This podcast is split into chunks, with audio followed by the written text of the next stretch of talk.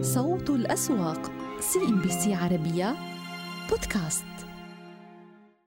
إذا أحييكم من جديد مشاهدينا كيف بدت لدينا إغلاقات الأسواق الخليجية؟ أبدأها بمسقط الأوراق المالية. جلسة كانت تتسم بالتراجع نصف النقطة المئوية من الخسائر وأنهاها عند ال 4051 نقطة. ماذا عن نشاط الجلسة وأين تركز في مسقط العنقاء للطاقة؟ بحدود 3 ملايين سهم. الأنوار انفستمنت بحدود مليونين و700 ألف عمان للاستثمارات والتمويل. المدينة تكافل جميعها. كانت على نشاط مصاحب نوعا ما إلى تراجعات. أما أكبر رابحين في مسقط مسقط للتمويل 5% من المكاسب جلوبال للاستثمار المالي 4.5 النقطة سحار للطاقة. العمانية القطرية للتأمين والرؤية للتأمين جميعها كانت على مكاسب والخسائر طالت لدينا في منتهى التداولات الوطنية لمنتجات الألمنيوم 9.4 في المئة العنقاء للطاقة صناعة الكابلات العمانية الغاز الوطنية وعمان والإمارات للاستثمار. وإلى بورصة البحرين نلقي نظرة على إغلاقات الجلسة. كانت لدينا مكاسب بحدود نصف النقطة المئوية أغلقنا على 1586 نقطة. المزيد من التداولات وحول نشاط الجلسة أين تركز؟ لدينا البنك الأهلي المتحد مليون و وسبعين ألف سهم جي إف إتش 850 ألف الإثمار القابضة نصف مليون سهم زين البحرين 350 ألف وألبا 200 ألف سهم من التداولات. ونتابع أيضا أكبر الرابحين في البحرين منتهى تداولات الأحد. الإثمار القابضة كان بحدود 8% العامة للتجارة وصناعة الأغذية جي إف إتش بحدود نقطة وأربع عشر من المكاسب. بتلكو الاتصالات البحرينية أيضا سجل ارتفاعات والبحرين للتسهيلات التجارية جميعها كانت على مكاسب. أما أكبر الخاسرين لدينا فقط البركة والمصرف الخليجي التجاري. ونلقي نظرة معكم مشاهدينا. طبعا الأسواق الإماراتية أيضا تعود إلى تداولات اليوم تتسم بالارتفاع. سوق دبي ارتفع بنقطة وعشر نقطة المئوية إلى 2774 نقطة. أما أبو ظبي فلدينا بنصف النقطة المئوية من المكاسب. واستطاع السوق أن يسجل لدينا مستويات قياسية جديدة عند 7100 نقطة. ماذا عن النشاط في دبي؟ وأين تركز؟ الإثمار على رأس القائمة بحدود 18 مليون و700 ألف سهم الاتحاد العقاري 7 ملايين ونصف مليون شعاع بحدود 4 ملايين و900 ألف جي إف إتش كما لاحظنا طبعا في سوق الأم. أيضا سجل لدينا نشاط في دبي ب 4 ملايين و300 ألف وإعمار لدينا 3 ملايين و900 ألف سهم تقريبا من التداولات. أكبر رابحين في دبي الإمارات للمرطبات بال limit up 15% والمال كابيتال ريت بحدود 15% أيضا ب limit up. الإثمار 9.5 النقطة من المكاسب مصرف عجمان والسلام القابضة جميعها كانت على ارتفاعات والخسائر طالت لدينا كل من. الخليج الملاحة 4.7% من التراجع دار التكافل 3% من التراجع أن ديجيتال سيرفيس القابضة نقطتين ونصف النقطة من التراجع تبريد نقطة وسبع عشر من التراجع وأرامكس بواحد في المئة. من الخسائر. نلقي نظرة على التداولات في سوق أبو ظبي العاصمة الإماراتية والتي حملت الكثير من الأخبار. طبعا المؤشر أغلق عند مستويات قياسية ونتابع طبعا الدار العقارية مهتمة أيضا بشراكة مع سوديك أو السادس من أكتوبر. المصرية الدار العقارية اليوم السهم سجل آه، نشاط بحدود 50 مليون ونصف مليون سهم. الجلف فارما آه، تقريبا 27 مليون. دانا غاز 18 مليون 700 ألف. سنأتي على ذكر الخبر المتعلق بدانا غاز بنك. أبو ظبي الأول 12 مليون ونصف مليون سهم من طبعا التداولات. واليهسات بحدود 9 ملايين ونصف مليون سهم من التداول. لكن أكبر رابحين في سوق أبو ظبي ريم انفست بحدود limit up كذلك القدرة بال limit up ناشونال كو بيلدينج بحدود 8% ألفا ظبي القابضة 3.5% ودانا غاز بنقطتين ونصف النقطة من الارتفاع. الخسائر طالت لدينا في أبو ظبي.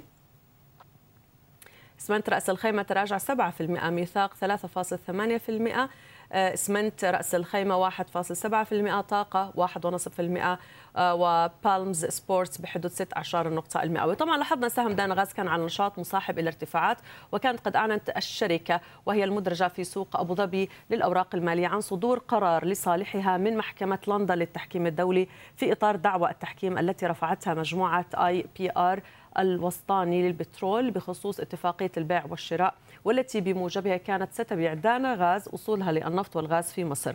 وجاء في قرار المحكمة رفض دعوى مجموعة آي بي آر الوسطاني للبترول بمجملها في حين قرر مجلس إدارة دانا غاز إنهاء اتفاقية البيع ومواصلة الاحتفاظ بأصول الشركة في مصر وكذلك تشغيلها. طبعا كما لاحظنا دان غاز كان على نشاط وصاحب هذا النشاط ارتفاع للسهم بنقطتين ونصف النقطة المئوية. لاحظنا الدار العقارية سجلت اليوم نشاط يفوق ال 50 مليون سهم من التداولات وكانت قد كشفت شركة السادس من أكتوبر للتنمية والاستثمار أو سودك عن تلقيها عرض مبدئي غير ملزم من شركة الدار العقارية للاستحواذ بمفردها وبالتحالف مع مستثمرين على حصة لا تقل عن 51 في المئة من أسهم شركة سودك من خلال تقديم عرض شراء إجباري. طبعا يمكن هذا السبب الذي دفع اليوم الدار العقارية لتسجل هذا النشاط لكن لا نستطيع أن ننفي أن الدار العقارية تعد دائما في قائمة آه، النشيطين هي الأعلى تقريبا في تحركات السوق.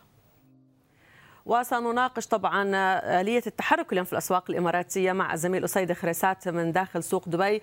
أحييك أسيد كل عام وأنت بألف خير. جلسة تعود بعد آه، يعني أجازة طويلة في الأسواق الإماراتية. كيف تصف استجابة السوق بشكل عام لمطلع هذا الأسبوع بعد الإجازة الطويلة بداية؟ أهلا رولا كل عام بخير. فيما يتعلق بالأسواق المالية الإماراتية شهدنا يعني عملية تصحيح واضحة في سوق دبي المالي قبل هذه الإجازة، كانت كان الحذر هو السائد وسيد الموقف في ظل ضبابيه الموقف فيما يتعلق بأسعار النفط العالمية وأوبك بلس واجتماعاتها، هذا إضافة فيما يتعلق على المستويات الفنية للمؤشر العام وأيضا على الأسهم القيادية ذات الثقل في المؤشر العام. ولكن اليوم وبعد هذه الإجازة وبعد أيضا الهدوء النسبي الذي وصورة باتت أكثر وضوحا فيما يتعلق بأسعار النفط العالمية. بالفعل رأينا تذبذبات خلال هذه الإجازة ولكن أغلقت على على ارتفاعات أسبوعية كل من أسعار النفط وأسواق وول ستريت أيضا محققة أرقام قياسية جديدة. بطبيعة الحال انعكست على نفسيات المستثمرين المحليين بغض النظر عن ال ال الاستثمار الأجنبي اليوم الأحد. ولكن آه، ما ينتظره المستثمرون وكل الأعين متسلطة نحو الشركات القيادية خصوصا في القطاع المصرفي والتي جزء كبير منها آه، وذات الثقل سواء في نعم. سوق أبو ظبي وفي سوق دبي سوف تعلن عن نتائجها للربع الثاني والنصف نعم. الأول من هذا العام خلال يوم غد وأيضا بعد غد منها الإمارات دبي الوطني دبي الإسلامي أبو ظبي الأول وغيرها من الشركات القيادية.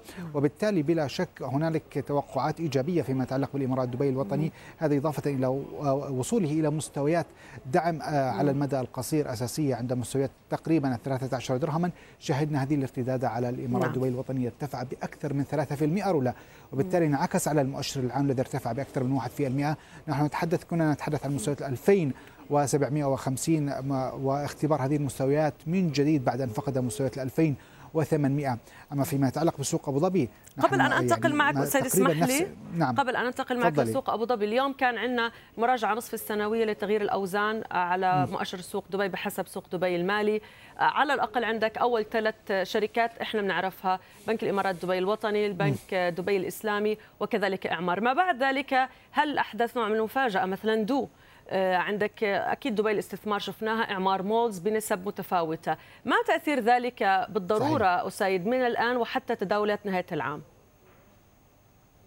بلا شك هذا يؤثر على أكثر من جهة. آه، جهة صانع السوق والأسهم التي يجب امتلاكها.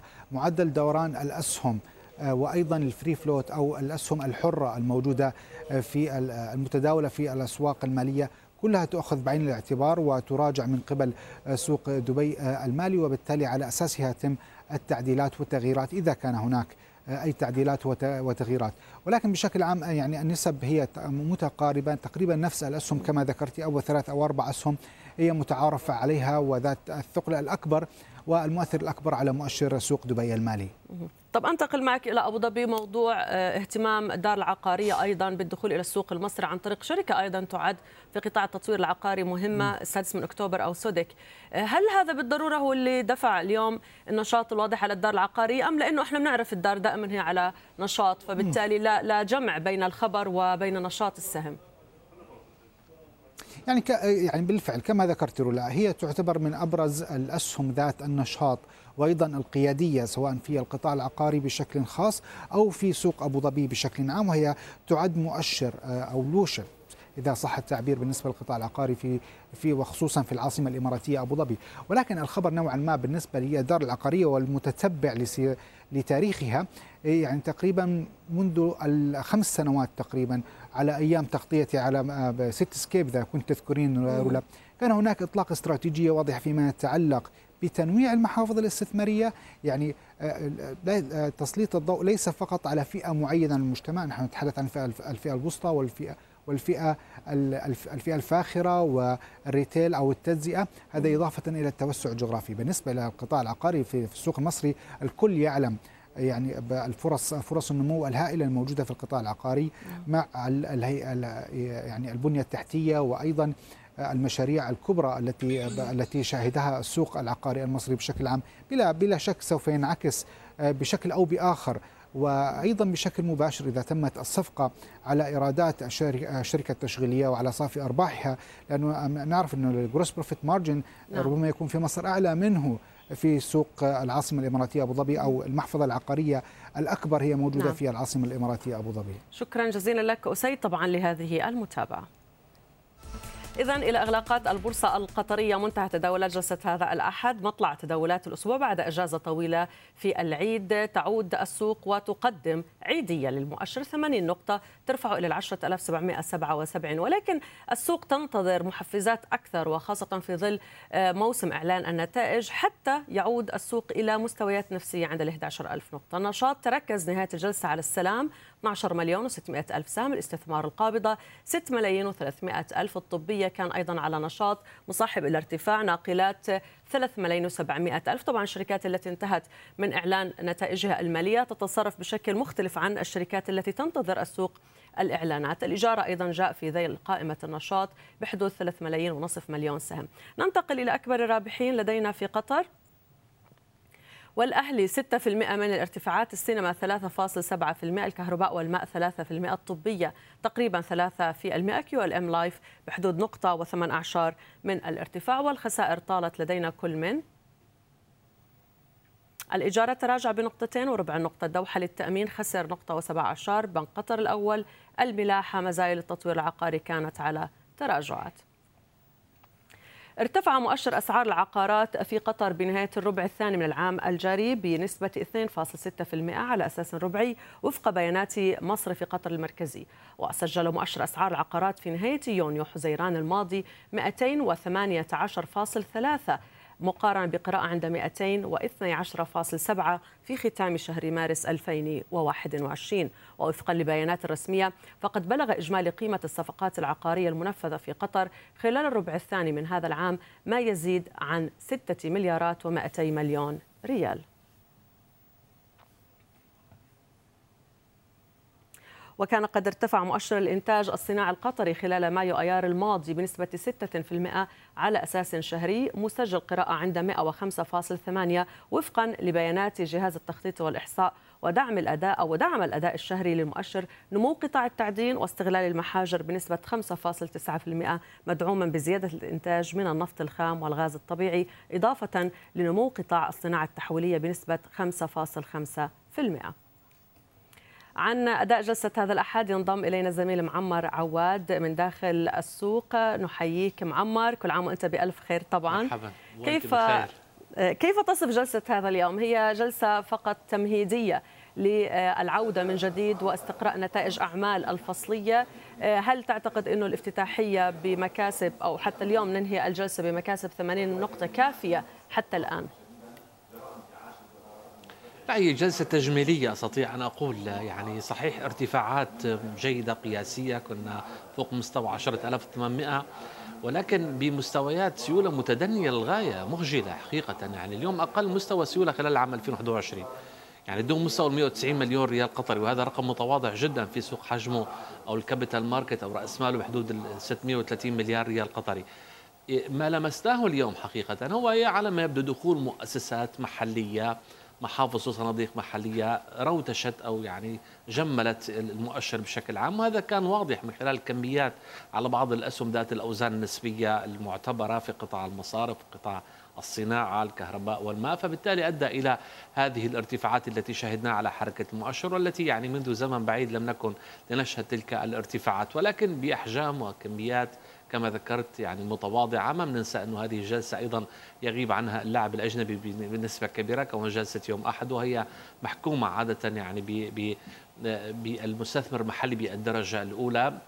حتى المضاربات يعني كانت يوم عند يعني نطاقات ضيقة شفناها تستهدف عدد قليل من الشركات شفنا شوي مضاربات على الاستثمار وعلى استثمار القابضة وعلى شركة السلام اللي شفناها عم تتصدر الكميات والأحجام. فبالتالي لا أستطيع أن أبني على هذه الجلسة حقيقة لأنه أحجام السيولة يعني تعطينا بعض الإشارات يعني أفسدت فرحة هذه الارتفاعات دعيني أقول. وبالتالي يعني لابد من جلسات أخرى لنستطيع أن نقرأ المشهد. نحن حتى الآن رولا أنهينا تقريبا 27% من الشركات المدرجة أفصحت عن بياناتها المالية. حتى الآن معظم تلك النتائج أفضل من متوسط التوقعات. عم نحكي تقريبا آه، رولا عن 10% نسبة نمو في صافي الأرباح حتى الآن. عم نحكي عن 12 مليار و600 مليون ريال قطري. جله حتى الآن في قطاع المصارف. هذا الأسبوع أيضا لدينا دفعة كبيرة من الشركات معظمها أيضا من القياديات. لدينا غدا بنك قطر الدول الإسلامي ثم يليه البنك التجاري بنك الدوحة. الصناعات التحويلية آه، بروة المتحدة للتنمية. هذه الدفعة الجديدة من الشركات هل سوف يعني آه، تجعل المشهد أكثر حيوية؟ هل سوف شو ممكن نتوقع؟ كونه في زخم. يعني لا تنسى العطلة أيضا أجلت دفعة منها وتأتي دفعة واحدة الآن تتدفق. شو مفروض سلوك السوق اليوم اللي نتوقعه؟ هو الهدوء إلى حين استكمال هاي النتائج ولا ممكن يكون في عندك عمليات دخول وخروج أيضا على الأسهم؟ شوفي يعني حتى الآن شفنا ردة السعر السوق تجاه نتائج الأعمال أه، ليست فاترة بل باردة. يعني شفنا نتائج قياسية بمعظم الشركات وخاصة قياديات عم نتحدث عن عن QNB عم نتحدث عن أه، ناقلات عم نحكي عن مصرف الريان الخليجي الملاحة. ارتفعت ارباحها بسبعة أضعاف الربع بالربع الثاني للربع الثاني. عم نشوف ردة فعل السوق باهتة تجاه هذه النتائج. اللي ظهرت بآخر يوم آه، يعني في ما قبل الإجازة. فبالتالي هناك خشية آه، رولا بأنه آه، بردة السوق الفاترة اتجاه نتائج الأعمال أنه تستمر معنا. هذا الأسبوع جدا مهم أنه نستطيع أن نقرأ هل كان الدفعة الأولى من نتائج الأعمال وردة فعل السوق اتجاهها كانت استثنائية أم ربما قد يأتي ما بعدها. اليوم يعني لو قرأناها على مستوى يعني قراءة استباقية عم نشوف أنه لا. يعني السوق ما زال ينتظر. يعني آه، حقيقة أصبح السوق القطري تحت العين. آه، كل كل المؤشرات على مستوى الاقتصاد الكلي والاقتصاد الجزئي ومؤشرات التضخم ومعدلات النمو والفوائض في في في ميزان المدفوعات وغيرها ونتائج أعمال الشركات ما عم تحرك المياه الراكدة في السوق. حتى على مستوى الجائحة اليوم عم نحكي إنه 70% من آه، سكان دولة قطر من المؤهلين على الحصول على اللقاح حصلوا على جرعتي اللقاح. فبالتالي يعني المفروض يرجع النشاط كما مرحلة كان نعم الخطر نعم نعم. وشفنا إنه دخلنا المرحله المرحلة الثانية عدد الإصابات تقل عن 100 حالة في اليوم فبالتالي الأمور أصبحت نعم. جيدة مم. أقل من 500 يوم على المونديال فكل الظروف تسمح بانه السوق يعني صح. ينتعش يعود إلى أجواء عم نشوف يعني حتى السعر المرجع بالموازنة 40 دولار اليوم عم نحكي عن نفط فوق مستوى 70 دولار أسعار نعم. الغاز نعم. اليوم عند أعلى مستوياتها من ثمان سنوات. يمكن نحتاج نعطي في وقت مكان والسوق تأثير يعني صدمة الجائحة ما كان سهل معمر صح. وفي تخوف. بس تطمن أكيد. السوق والناس أكيد حترجع وتقدم الطلب اللي أنت تتمناه ويحرك السوق. شكرا جزيلا لك زميل معمر عواد كنت معنا شكرا. من الدوحة. شكرا. وكيف كانت أحوال التداول في السوق الكويتي جميع المؤشرات أغلقت على مكاسب والأول أغلق بارتفاع 1% أما العام فارتفع بقرابة 19 نقطة المئوية. صوت الأسواق CNBC عربية بودكاست. أهلا بكم من جديد. في ظل التوقعات بتعافي الطلب على النفط وشح المعروض ارتفعت أسعار الخامات على أساس أسبوعي بعد أن سجلت انخفاضا حادا يوم الاثنين الماضي. نتابع تفاصيل أسعار النفط في سياق التقرير التالي. في ظل التوقعات بزيادة الطلب على النفط بعد اتفاق أعضاء أوبك بلس على إعادة 400 ألف برميل يوميا كل شهر اعتبارا من شهر أغسطس آب انتعشت العقود الآجلة للنفط على أساس أسبوعي. خام برنت ارتفع 0.7% بعد أن تراجع لثلاثة أسابيع على التوالي كما أن الخام الأمريكي ارتفع 0.4% بعد أن سجل انخفاضا لأسبوعين. ويأتي ذلك في ظل توقعات كوميرس بانك بأن يشهد سوق النفط نقصا طفيفا في الإمدادات حتى نهاية العام الحالي على الرغم من التوسع في إمداد النفط. في هذا السياق اعتبر محللون من A&Z Research أن الزيادة البالغة 400 ألف برميل في اليوم لن تكون كافية للحفاظ على توازن السوق في حين أن المخزونات في الولايات المتحدة وفي دول منظمة التعاون الاقتصادي والتنمية مستمرة في الانخفاض. وفي ظل القلق حيال تداعيات ارتفاع حالات الإصابة بسلالة دلتا المتحورة على الاقتصاد العالمي كانت أسعار الخامين قد سجلت انخفاضا حادا في بداية الأسبوع بلغ حوالي 7% في جلسة الاثنين الماضي. الجدير بالذكر أن المستثمرين توقعوا أن يظل الطلب قويا على النفط بدعم من تراجع مخزونات النفط وارتفاع معدلات التطعيمات. وحول طبعا إغلاقات السوق السعودي في أولى جلساته بعد عطلة العيد ينضم إلينا من جنيف أستاذ محمد الشميمري مدير عام مكتب محمد الشميمري للاستشارات المالية. أحييك أستاذ محمد كل عام وأنت بألف خير وشكرا على وجودك معنا اولا. أهلا وسهلا أرحب بك وبالمشاهدين الكرام وكل عام وأنتم بخير وعيد أضحى مبارك. اليوم بداية جيدة يعني بعد عطلة طويلة نسبيا للسوق لمسنا واخترقنا ال 10950 نقطة أستاذ محمد لكن عدنا آه، سريعا لتقليصها. آه، برأيك ملامسة هذا المستوى بعد هذه العطلة الطويلة إلى أي مدى ممكن أنه يستمر؟ خصوصا أنه السيولة اليوم أيضا لم تتجاوز مستويات ال 8 مليار ريال. بداية ما في شك ممتازة جدا. إحنا شفنا تصحيح السوق آه، قبل إجازة آه، الحج وصل آه، التصحيح إلى منطقة ال 10589 ثم ارتد المؤشر قبل قبل الإجازة. وكما ذكرتي هذا خامس يوم تقريبا ارتداد. الآن عندنا منطقة القمة اللي سجلها المؤشر عند 11063 في حال اختراقها وأتوقع نخترقها بقيادة القطاع البنكي. آه، يعني يستهدف المؤشر منطقة ال 11500 طبعا أنا أعول كثيرا على القطاع البنكي لتوقعاتنا بأداء ممتاز آه، للبنوك آه، حيث أشارت بيانات البنك المركزي التي تغطي الفترة حتى نهاية شهر مايو 2021 إلى ارتفاع صافي الأرباح المجمعة للبنوك العاملة بالسعودية قبل الزكاة والضرائب بنسبة 9% لتصل إلى 21.2 مليار ريال مقارنة ب 19 مليار ريال لنفس الفترة. وهذا يعطينا أمل كبير أن حركة البنوك ستكون سبب لاختراق المؤشر لمنطقة القمة التي سجلها. ونتوقع يعني شفنا اليوم إحنا مصرف الراجحي حقيقة قاد السوق للارتفاع. نتوقع أن مصرف الراجحي يحقق 3.5 مليار ريال يعني بارتفاع مقارن 44% وهذا الارتفاع حقيقة آه، كفيل آه، أن يعني يسهم بارتفاع شركة أو أو مصرف الراجل. نعم وحتى شاهدنا يعني بعض الارتفاعات اللي عم تطال بعض أسهم قطاع البتروكيماويات أستاذ محمد كيمانول اليوم عم بيتصدر المشهد مع هذه المكاسب. السهم عم بيواصل صعوده لأعلى مستوياته بسبع سنوات. قدرة الشركة على التحول للربحية بفترة الربع الثاني هل هي قادرة على الاستمرار بهذه الربحية برأيك حتى فترة الربع الثالث؟ وما الذي يمكن أن يدعم أرباحها؟ يعني إحنا شفنا ارتفاع منتج الميثانول يمثل من أهم المنتجات لشركة كامينول.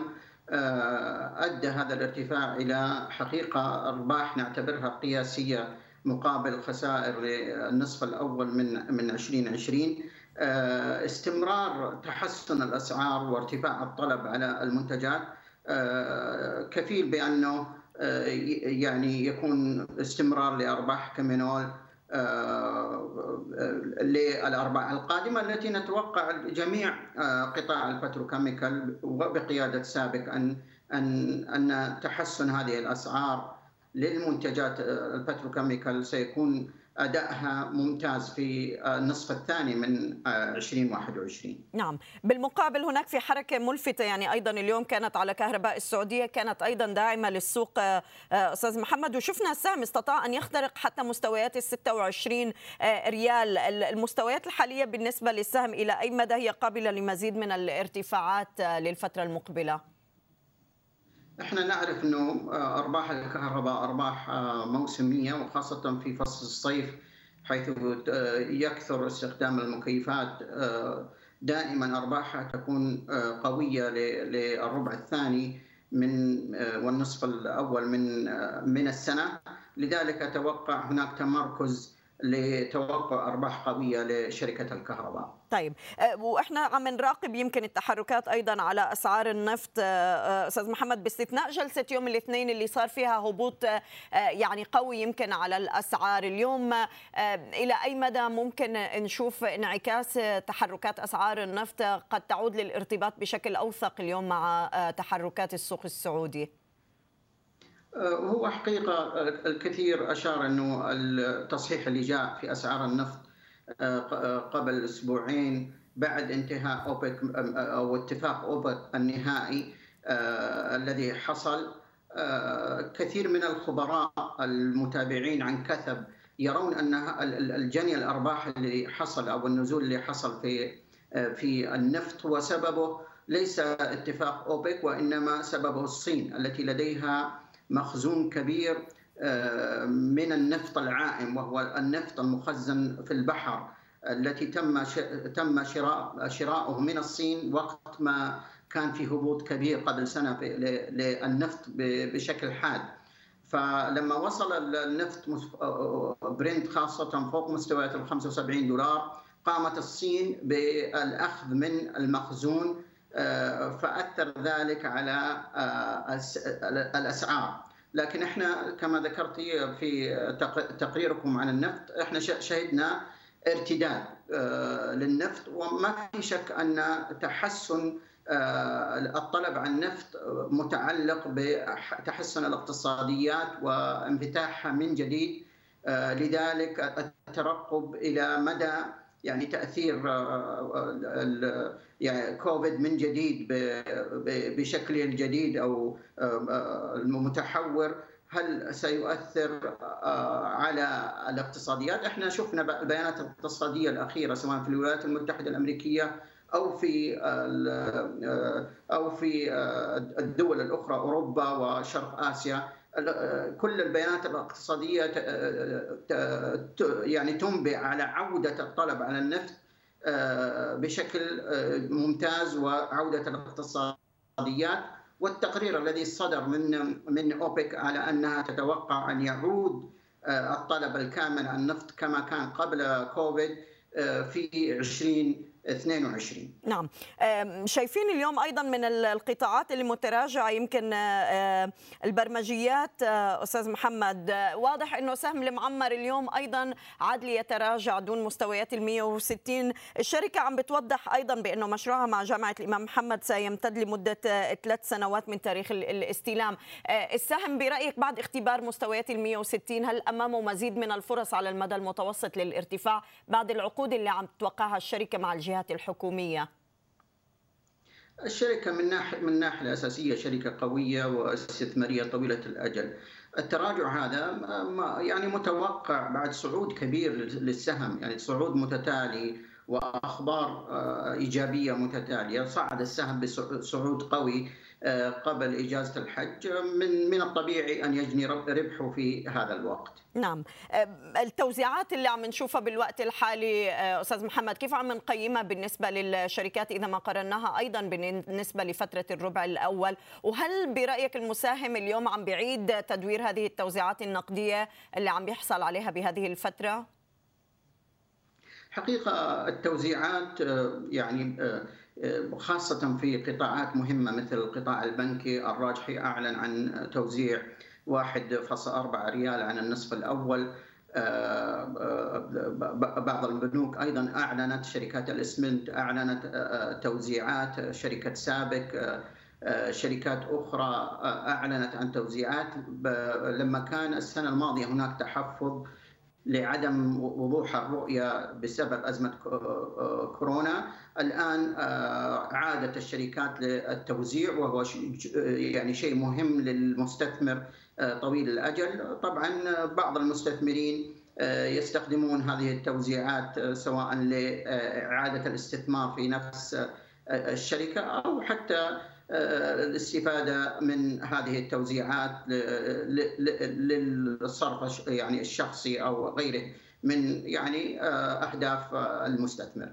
نشكرك سيد محمد الشميمري مدير عام مكتب محمد الشميمري للاستشارات المالية. كنت معنا من جنيف شكرا لك. أداء أخضر وإيجابي بالنسبة للمؤشرات المصرية بعد عودتها من عطلة عيد الأضحى المبارك. شهدنا اليوم ملامسة ال EGX 30 بعمليات شرائية من قبل المحليين. دعمت الصعود ل 10757 قبل أن نقلصها بحدود 19 النقطة المئوية ليبقى ال EGX 30 عند 10745 نقطة. تحركت أسهم أسهم المضاربات اليوم بشكل جيد واخترقنا ال 2570 نقطة ليضيف أكثر من 2.5 النقطة المئوية إلى جانب ال 100 بحدود 2 و3 النقطة المئوية. إذا تحركات إيجابية كانت مدعومة أيضا بحركة بعض القياديات وشاهدنا البنك التجاري الدولي اليوم داعم لهذا الصعود بال 30 ب 18 النقطة المئوية 57 جنيه 90 قرش. المصري المصرية للاتصالات تراجعت ل 13.80 خسرنا قرابة 18 النقطة المئوية. بعد الصعود على الأسهم العقارية وإعمار مصر أضاف 18 النقطة المئوية. إلى جانب عامر جروب المدرج ب 70 كان أضاف 1% من المكاسب ب 82 قرش. بقي هناك تراجعات على النساجون الشرقيون لكن أيضا واجه سودك اليوم بعض الضغوطات حافظ على مستوى 17 جنيه خسر 1.18 النقطة المئوية. طلعت مصطفى عن 7.22 من الصعود. هرمس كان داعم اليوم وبقيت الشرقية للدخان على تراجعات بحدود ربع النقطة المئوية. أسهم السفنتي كذلك ضمن هذه التحركات كانت إيجابية مع نهاية هذه الجلسة. إذا كانت متوفرة لدينا ممكن أن نلقي نظرة على أسهم السفنتي لاحقا سنلقي نظرة عليها إلى حين أن تحضر. لكن في هذه الأثناء طبعا تابعنا آه، أبرز الأخبار المتعلقة بسهم بايونيرز طبعا بعد موافقة الجمعية العامة لشركة بايونيرز القابضة للاستثمارات المالية المصرية بالإجماع على عملية تقسيم الشركة إلى ثلاث شركات شركة قاسمة وشركتين منقسمتين بإطار الخطة الهيكلية للمجموعة. ستكون الشركات الناتجة عن هذا التقسيم مملوكة لنفس مساهمي شركة بايونيرز القابضة للاستثمارات المالية وبذات نسب الملكية لكل مساهم بتاريخ تنفيذ عملية التقسيم. كما أن الشركة القاسمة سوف تبقى مقيدة بالبورصة المصرية بعد تعديل بيانات قيدها وسوف يتم قيد وتداول الشركتين المنقسمتين بالبورصة المصرية. السهم اليوم بقي عليه بعض المكاسب. تحركنا بحدود ربعي النقطة المئوية مع نهاية الجلسة. أسهم السفنتي إذا ذكرنا اليوم أنه في عليها مكاسب نلقي نظرة سريعة. لاحظوا لو أبو قير للأسمدة عم يصعد بأكثر من واحد ونصف النقطة المئوية. تحركات ما زالت مستمرة على أجواء للصناعات الغذائية بعد تحولها للربحية بأكثر من 2.6 الإسكندرية لتداول الحاويات والبضائع 10% من الصعود. عامر جروب والعربية لإدارة الأصول كذلك على صعود بأكثر من 4% مع نهاية هذه الجلسة. راقبنا كذلك إعلان شركة أوراسكوم كونستراكشن المصرية عن توزيع النقدي لعام 2020 بقيمة تصل إلى 3 جنيه 60 قرش للسهم على أن يكون نهاية الحق بالتوزيع بختام جلسة الثاني من أغسطس المقبل. ويشار إلى أنه قد أعلنت الشركة أنها أضافت عقود جديدة بقيمة تصل إلى 650 مليون دولار إلى قيمة المشروعات تحت التنفيذ بالربع الأول من عام 2021 موضحة بأن تلك العقود تمثل زيادة بنسبة 8% على أساس سنوي.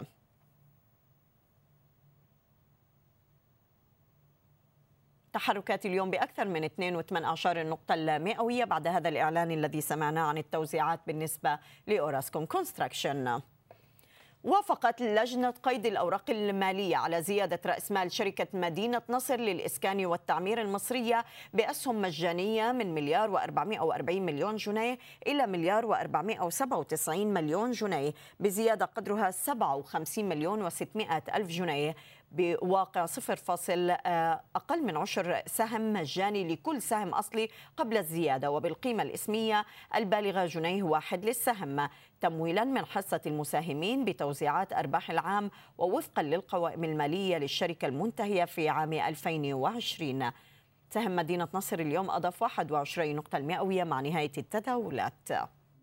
وافقت لجنة قيد الأوراق المالية المصرية على زيادة رأس مال شركة العالمية للاستثمار والتنمية بأسهم مجانية من 45 مليون جنيه إلى 54 مليون جنيه بزيادة قدرها 9 مليون جنيه موزعة على مليون و800 ألف سهم بواقع 0.2 سهم مجاني لكل سهم أصلي قبل الزيادة بالقيمة الإسمية والبالغة 5 جنيهات للسهم الواحد وتمويلا من أرباح العام. والأرباح المرحلة والاحتياطات وفقا لقوائم الشركة المالية والمنتهية في عام 2020 سهم العالمية للاستثمار والتنمية عم بيصعد اليوم بأكثر من 15 النقطة المئوية.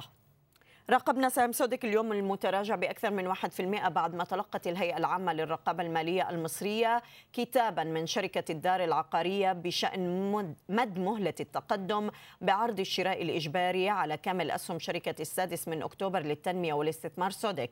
وقررت الهيئة مد المهلة ل 30 يوم عمل إضافية تبدأ من تاريخ انتهاء المهلة المحددة لتقديم عرض الشراء الإجباري في الثاني من أغسطس القادم وذلك للانتهاء من الفحص النافي للجهالة. وكانت شركة سودك أعلنت في الثالث عشر من مارس الماضي عن تلقيها عرض مبدئي غير ملزم من شركة الدار العقارية للاستحواذ بمفردها أو بالتحالف مع مستثمرين على حصة لا تقل عن 51% من أسهم سودك من خلال تقديم عرض شراء إجباري بسعر مبدئي يتراوح بين 18 و 19 جنيه للسهم الواحد. السهم تعرض اليوم لبعض الضغوطات ب 1.8 النقطة المئوية عن 17 جنيه أغلقنا نهاية هذه الجلسة. رفعت لجنة التسعير التلقائي للمنتجات البترولية المصرية سعر البنزين بأنواعه الثلاثة للمرة الثانية خلال العام الحالي فيما ثبتت أسعار السولار والمازوت للقطاع الصناعي. وبالمقابل استبعد الخبراء أن ينعكس قرار الزيادة بشكل كبير على معدلات التضخم خلال الأشهر المقبلة. نتابع سوياً. للمرة الثانية في 2021 تحرك لجنة التسعير التلقائي للمنتجات البترولية في مصر أسعار البنزين بجميع أنواعه ب 25 قرشا للتر الواحد ليرتفع بنزين 95 بنسبة 2.9% و92 بنسبة 3.2% و80 بزيادة نسبتها 3.8% وذلك للربع الثالث من العام الحالي. فيما ثبتت من جهة أخرى سعر الطن المازوت للقطاع الصناعي عند 3900 جنيه كما وأبقت على سعر بيع لتر السولار عند 6 جنيهات و75 قرشا لما له من تأثير مباشر وغير مباشر على وسائل النقل وأسعار السلع الغذائية في مصر.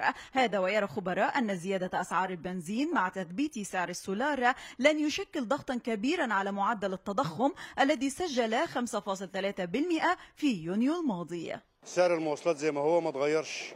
أنا لسه راكب من القناطر للتحرير نفس نفس الأجرة يعني ما اتغيرتش. وأظن ربع جنيه يعني مش مش تكلفة على على السعر يعني على الناس. أول أغسطس كده ممكن يبتدي الأسعار ترفع لأن أكيد سعر البنزين بيرفلكت على سعر السلع اللي بتتنقل بالعربيات أو بال اي وسائل نقل يعني. قرار لجنة تسعير المنتجات البترولية الذي يضع عين الاعتبار عدة عوامل أهمها متوسط أسعار خام برنت في السوق العالمية وسعر صرف الدولار مقابل الجنيه يتزامن مع ارتفاع أسعار البترول عالميا بأكثر من 40% منذ بداية العام الحالي مع تعافي الطلب وتباطؤ نمو الإنتاج. يأتي هذا في وقت قدرت موازنة العام المالي الحالي سعر برميل البترول عند نحو 65 دولار للبرميل. فيما تتوقع وزارة البترول المصرية هدوء الأسعار الأسعار مجددا في الربع الأخير من العام الحالي. في نهاية الأمر لا الأسعار العالية هتقدر تستحملها الأسواق العالمية ولا الأسعار المنخفضة اللي أنا كانت موقفة الدنيا خالص.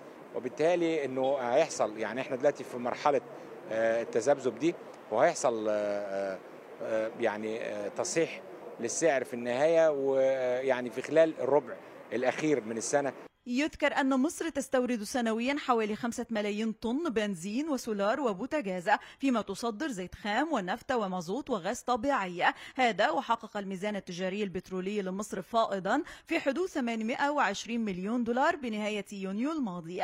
ندى عبد السلام CNBC عربية القاهرة. صوت الأسواق CNBC عربية بودكاست.